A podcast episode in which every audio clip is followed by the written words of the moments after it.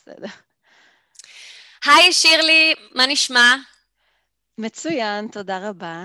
אמ, היי, אנחנו חלב אם, והפעם אנחנו עם שירלי. שירלי, בואי אה, תספרי לנו מי את ותציגי את עצמך. אני שירלי, בת 41, מירושלים, אימא לארבעה ילדים חמודים. אמ, אני מנהלת תפעול בארגון קטן, ומנסה לג'נגל בין עבודה ובית, משפחה, חובות, מטלות. מגפה עולמית. בדיוק. מדהים. מנסה לג'נגל. מדהים. מצליחה, מצליחה לג'נגל. אני יודעת שאת מצליחה. אמ, אז בואי תספרי לנו ככה, מה, מה חוויית ההכלה שלך? ארבעה ילדים, אז בטח יש לך אה, שפע חוויות וניסיונות. אה, קחי אותנו ככה על המסע הזה של, אה, של ההכלה. אז קודם כל, אני חייבת להגיד שלפני שילדתי, אה, חששתי אם אני אצליח להעניק. Mm. כאילו, זה היה לי ברור שזה משהו שלא בא טבעי לכל אחת, Mm. ושזה תמיד נראה קל, פשוט מצמידים אותם והם אוכלים ונרדמים והם שלווים. זה היה לי ברור שזה לא תמיד הולך קל. איך וש- ידעת? איך ידעת, סליחה, זה משהו שמאוד מסקרן אותי. איך, כאילו, איך ידעת שזה לא משהו ש... כי נגיד, שם אני נורא נפלתי, אז מסקרן אותי... אני לא יודעת להגיד, אני רק יודעת שהתעניינתי בזה מאוד לפני, ועשיתי Mm. לעצמי מין הכנה כזאת של הלוואי ואני אצליח, הלוואי Mm. ואני אצליח, והלוואי וילך לי טוב. אמ, ולא, זה לא היה קל. והחוויה הראשונה שלי הייתה אחרי הלידה, שממש מצמידים אותם וזה, וזה היה בסדר. אבל הדבר הבאמת טראומטי הראשון היה זה כשהלילה הראשון עם התינוקת אה, בבית, הבכורה, והיא פשוט צורחת. לילה ראשון בבית, זוג צעיר עם תינוקת והילדה צורחת, ממש, את נשמתה. והתקשרתי לבת דודה שלי, שהייתה אחות בתינוקייה, כן. בארבע בבוקר, והיא אמרה לי, היא רעבה, פשוט תתני לה מטרנה. אז uh, מזל שהיה לי בבית, ונתתי לה בקבוק, והיא הייתה שלווה ומתוקה, והיא ישנה. ואז הבנתי שאני לא כל כך יודעת להעניק, אה, ולא ידעתי, כאילו, ידעתי שיש לי חלב, זה ידעתי, הרגשתי וידעתי שיש מספיק, אבל הבנתי שכנראה משהו לא בסדר, או שהיא רוצה יותר, או שאני לא עושה את זה טוב. מהמם. ובאמת התחלתי עם, אה, עם יועצת הנקה, שבאה לעזור לי, כי אמרתי, לא, אני חייבת להצליח, אני חייבת להצליח, כאילו, יש לי מלא חלב, אין סיבה. שזה לא יצליח, זה בריא, זה טוב. ובאה יועצת הנקה, לא באה, הלכתי אליה, שזה היה די סיוט אחרי לידה, לצאת וואו. מהבית עם התינוקת וזה. כן. וזה באמת עזר לי, והחלטתי שאני לא מוותרת, אני לא מוותרת, אני אצליח, אני אצליח, אבל באמת הצלחתי. והייתי מאוד גאה בעצמי, שעד גיל תשעה חודשים הענקתי אותה, אמנם לא מלא מלא, אבל כאילו... כן.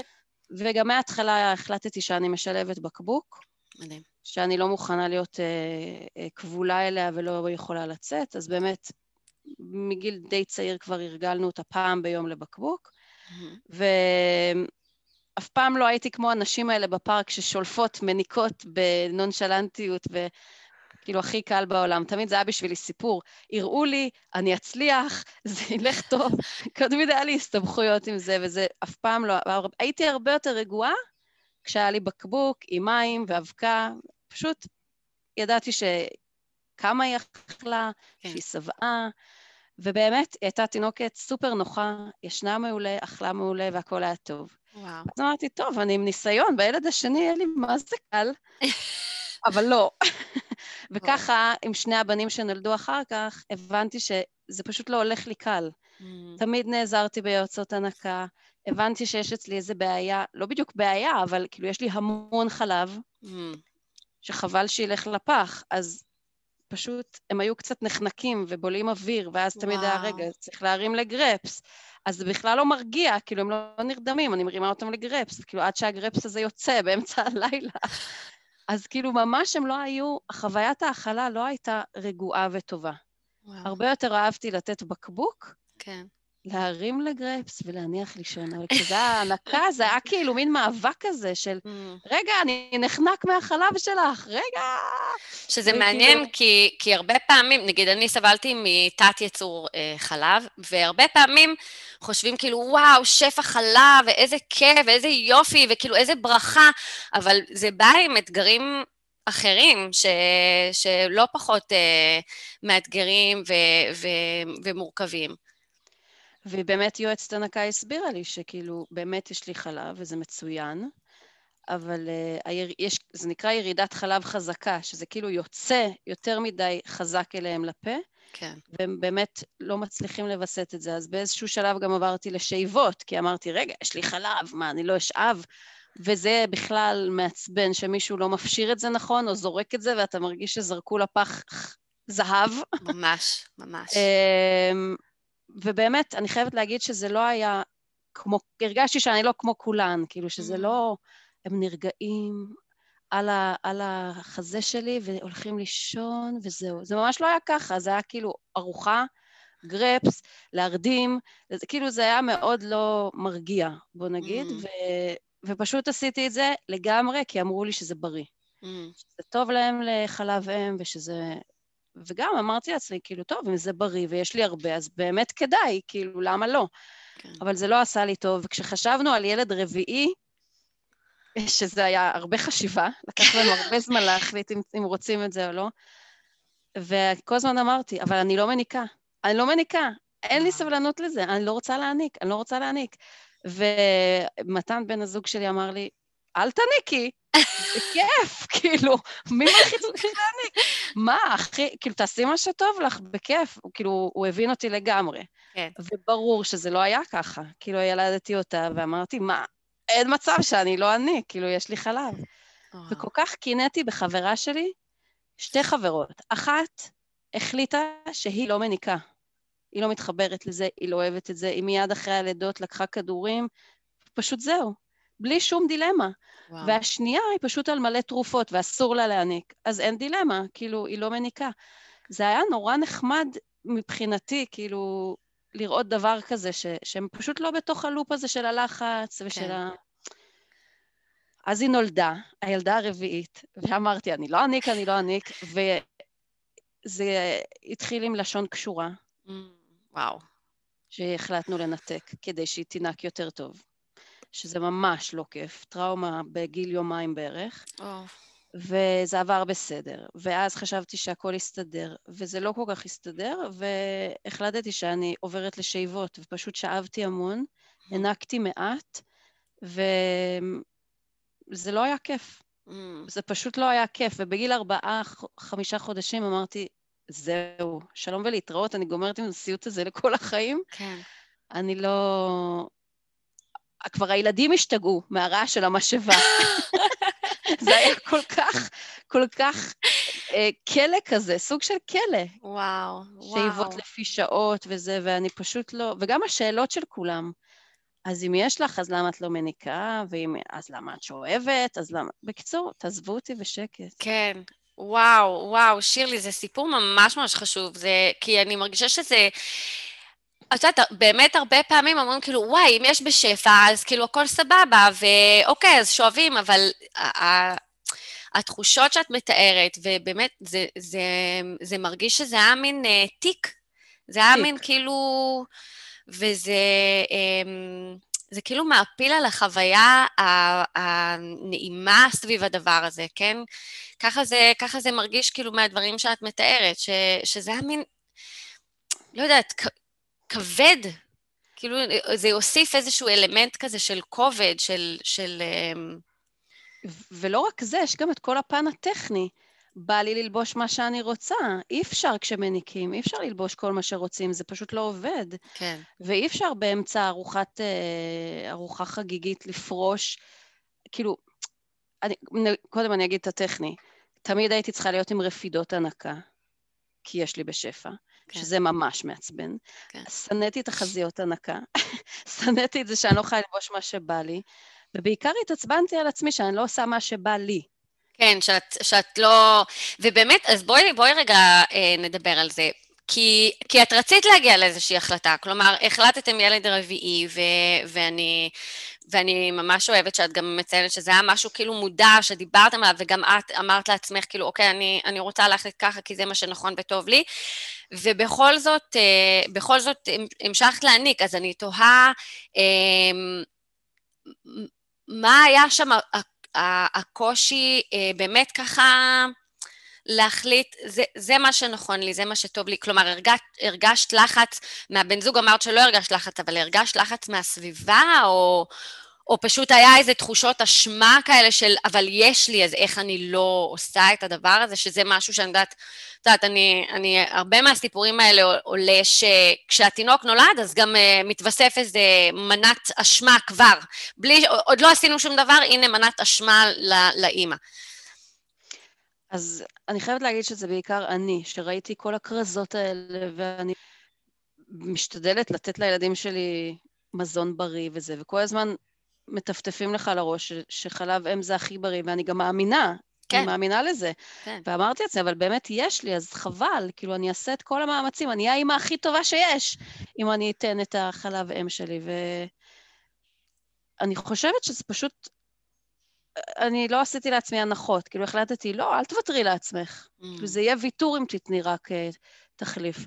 ואני, כאילו בדיעבד, הנה, שרדתי. זה לא היה כזה נורא.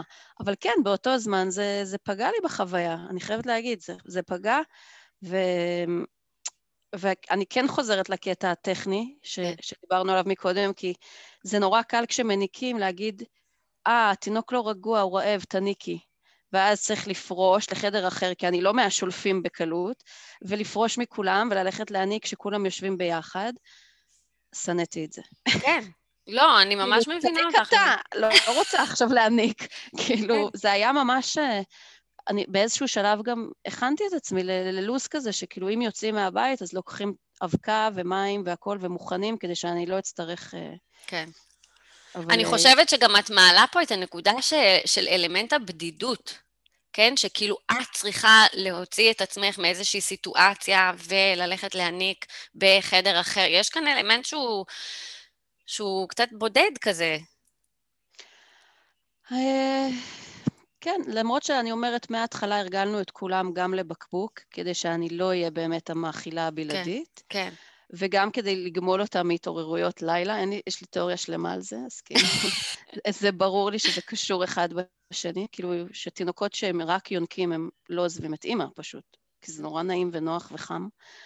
אה, אז לא לגמרי שהייתי בודדה, וגם באמת היה לי תמיכה כל הזמן, אף אחד לא הלחיץ אותי פה בבית רק להעניק. אה, אני חושבת שזה בעיקר אני, אני החלטתי כאילו אני לא אוותר לעצמי. Mm. אני יכולה לעשות את זה, אני לא אוותר. עד שוויתרתי. וכל אחד ינק פחות או יותר אצלי, אבל האחרונה הכי פחות. כן. אני לא יכולה להגיד שזה השפיע על מישהו בצורה גורפת. כאילו, אני בטוחה שהתחליפי חלב ממלאים את הצורך באותו, באותה מידה.